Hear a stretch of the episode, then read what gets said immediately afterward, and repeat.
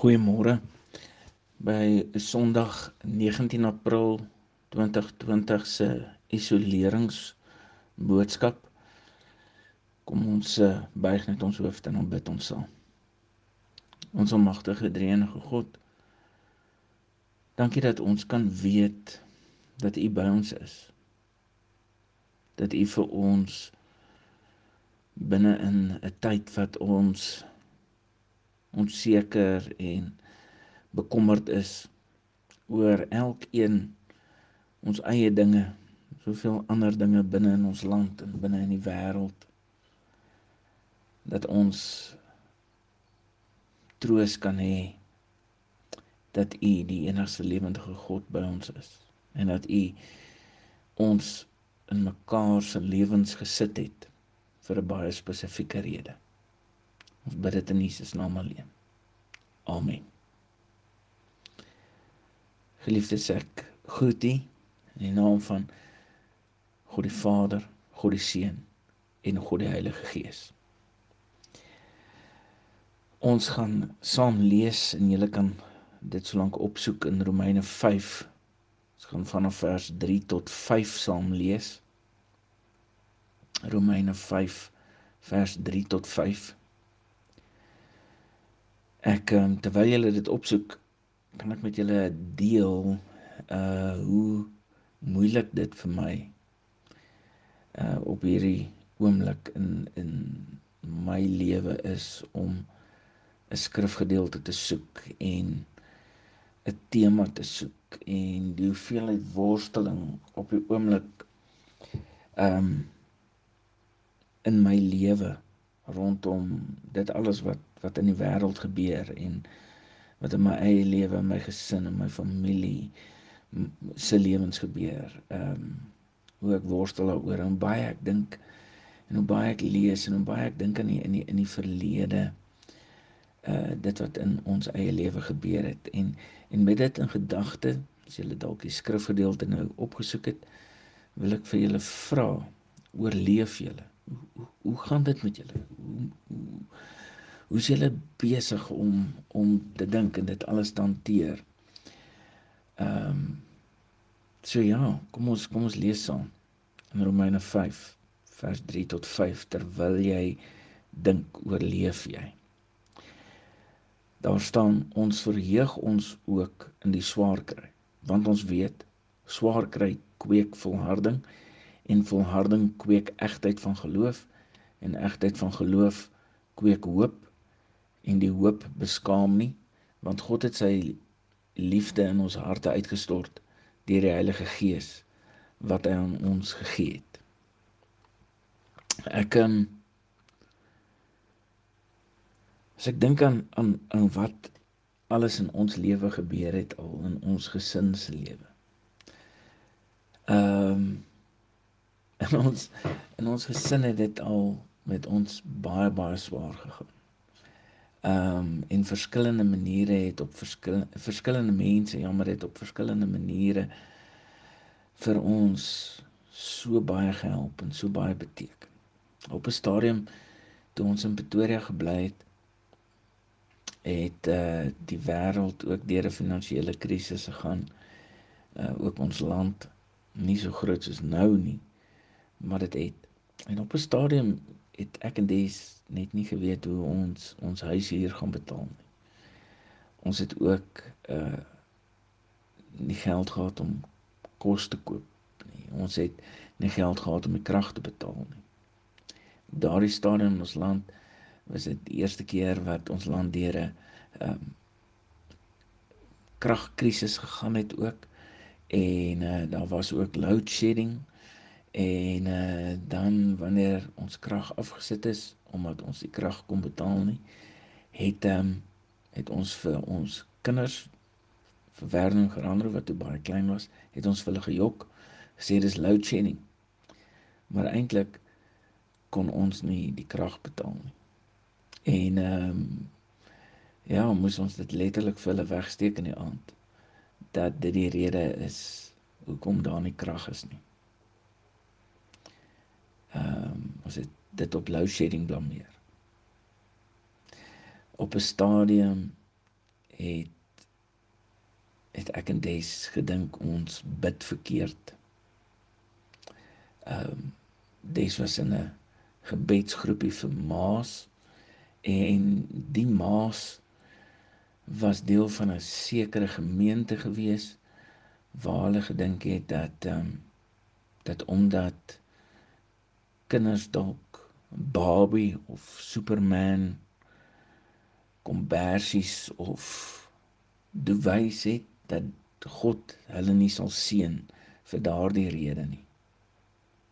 En op eendag terwyl ek en Des bitter moedeloos was oor dat ons besef ons gaan nie die einde van daardie maand die huishuur kan betaal nie terwyl Des uh, besig was om om die wasgoed op te vou terwyl sy op op een van die seuns se Superman duwy gesit het en sy net daardie oggend by 'n 'n gebedsgeleentheid was waar die waar die maas gesê het maar hierdie hierdie tipe dinge moet uit die huis uit verwyder word. Die huis moet skoon gemaak word. En eers as die huis skoon is van al hierdie heidense dinge soos Superman en Batman en Barbie en al daardie dinge dan sal God 'n mens seën terwyl des op daardie Superman bewys sit besig is om die kinders se klere op te vou bel 'n vriend van my en hy sê vir my dat dat iemand wil ons huis hier vir die hele jaar betaal. Ek dink dit was 75000 rand gewees. Hele jaar se huis hier wat iemand bereid was om te betaal. En dit het toe so gebeur. Hulle het daardie huis hier vir ons betaal terwyl ons bo op die superman het God se seën God God se omgee van liefde wat hy in iemand se hart gelê het maak nie saak hoe vuil ons huis was nie maak nie saak hoeveel twyfel daar in ons hart was op daardie stadium nie het God dwars deur daardie twyfel en seer en bekommernis ons kom ons kom seën. Ander kere dan belle vriendin van Des en sê maar sy weet nie hoekom nie. Maar sy het net ervaar sy moet ietsie vir ons gee en, en dan ehm um, sê sy sê dit by ons deur neergesit. En as ons gaan kyk het, dan was daar 5, 6 sakke kruideniersware. En ons het nie vir haar gesê dat ons dit nie op daardie stadium geld om vir die kinders en kos te koop vir die huis nie, maar dan is die kruideniersware daar. Ek moet eerlik vir julle sê dat met 'n klomp van die dinge wat op die oomblik gebeur in ons land en in mense se huise en in die gemeenskappe en binne in die kerke is daar dieselfde vrees wat so in my hart kom lê as daai tyd. En as ek terugkyk hoe God binne in my ongeloof, binne in my twyfel, hoe God dwars deur dit gesorg het, dan bly ek net verstom staan in God se genade vir vir my, vir ons, vir ons gesin. En met ander woorde, ook vir ons gemeentes en ons gemeenskappe. As ek dan Romeine 5 lees, dan dan klink dit vir my baie vreemd en ek wil ek wil stry daarteenoor en ek wil beklei daarteenoor en ek wil ek, ek wil dit nie glo nie, maar dan as ek na my verlede kyk, dan glo ek dit. En as ons dit dan saam lees en besef wat dit staan, dan sê dit ons verheug ons ook in die swaar kry. En dan wil ek daarmee beklei want op dese aarde, wie wil hulle self nou verheug en swaar kry? En dan sien ek wat daar staan. Daar staan ons weet want swaar kry kweek volharding. Binne in swaar kry groei daar volharding en daardie woord volharding wat daar vertaal word ehm um, kan ook vertaal word met met geduld. Engels patience. Swaar kry kweek geduld. Ehm um, want dan sien ek God se geduld met my. In daardie tyd wat ek swaar kry, wanneer my moed laag is, wanneer ek moedeloos is, wanneer my planne op is. En dalk is jou planne ook op. Dalk is jou planne in in die gemeente en in die gemeenskap ook op. Maar God se planne en God se geduld met ons is nie op nie. Genadiglik. Wanneer my geduld met myself op is, is God se nie op nie. En hy sê met ander woorde hy hy kweek in ons meer geduld binne in hierdie swaar kry. En daardie volharding vers 4 kweek egtheid van geloof. Ja, dis dis 'n baie interessante ding daai egtheid van geloof kan vertaal word met ondervinding. is dit nie interessant nie as mense terugkyk oor dit wat jy al geleer het in jou lewe en en wat jy al ondervind het soos wat ek dit nou met julle deel wat ons in ons gesinne ondervind het. Hoe God bly sorg het deur mense vir ons maak nie saak wat se tekortkoming ons het nie al het ons nog uh, superman dewys in ons huis al is my hart nog soveel keer vol ongeloof vol twyfel bly God net sorg en glo en dit is wat hy dan verder kweek uit uit daardie ondervinding uit kweek hy hoop. En dis 'n hoop wat my nie skaam maak nie. Baie mense het vir ons al gevra as ons hierdie verhaal vertel van hoe swaar ons gekry het op 'n stadium. Ehm um, finansiëel. Dan vra mense vir ons maar het julle nie skaam gekry nie? Ja, verskriklik. Ek kry skaam terwyl ek hierdie vir julle vertel. Ek kry skaam. Ek kry nou skaam ook omdat ek weet daar mense is wat op hierdie oomblik 'n uh, swaarder kry as wat ek ooit in my lewe gekry het. Mense wat wat regtig niks het nie wat nog nooit iets gehad het nie.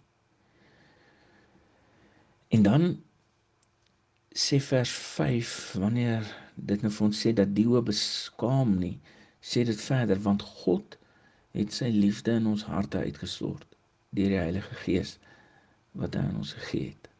En dit lyk vir my dat hierdie liefde wat God in ons harte kom uitstort deur die Heilige Gees is die is dit wat ons nou op die oomblik nodig het. As ek en jy soos daardie mense wat in my en my gesin se lewe na ons gekyk het en ons so lief gehad het dat hulle vir ons kruiniersware kom neersit het dat hulle ons huis hier vir die hele jaar betaal het as as as ek en jy met soveel liefde na mekaar kan kyk na ander kan kyk maak nie saak wat nie maak nie saak wat se tekortkoming iemand anders het nie maar as ek en jy met die onvoorwaardelike liefde van God na mekaar kan kyk.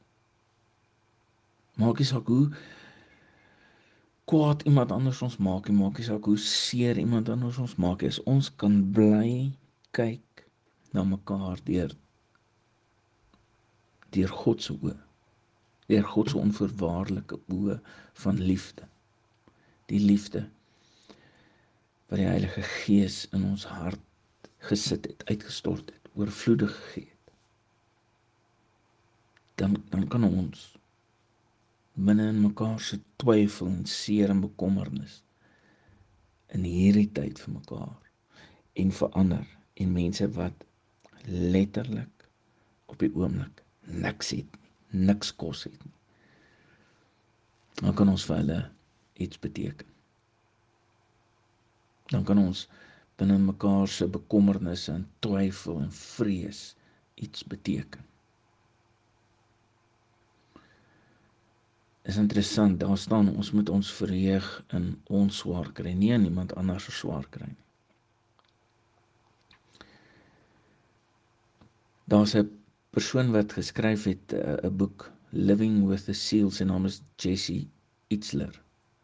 En uh in daardie boek het hy meer geskryf van die 40% reël en die 40% reël sê dat wanneer jou brein vir jou sê dat jy kan nie meer nie, jy moet nou opgee dan is jy eintlik eers op 40%. Dan het jy nog 60% oor om te gee. Ek moet vir julle sê ek is ek, ek my brein en my kop op hierdie oomblik vandag Sondag 19 April voel my brein en kop dat ek hier by 39,9% is. Ek kan nie meer nie, voel vir my ek wil 'n bietjie opgee, ek is moedeloos. En dan is ek hierdie hele week besig met hierdie met hierdie boek Jesse Itzler wat sê maar ons is nou eers by 40%. Ons, ons, ons het nog 60% oor om vir mekaar te gee. En is net die liefde wat die Heilige Gees in my hart uitgestort het. Wat dit vir my oortuig. Liefde wat ek al ervaar het in ondervinding van soveel ander mense in my lewe.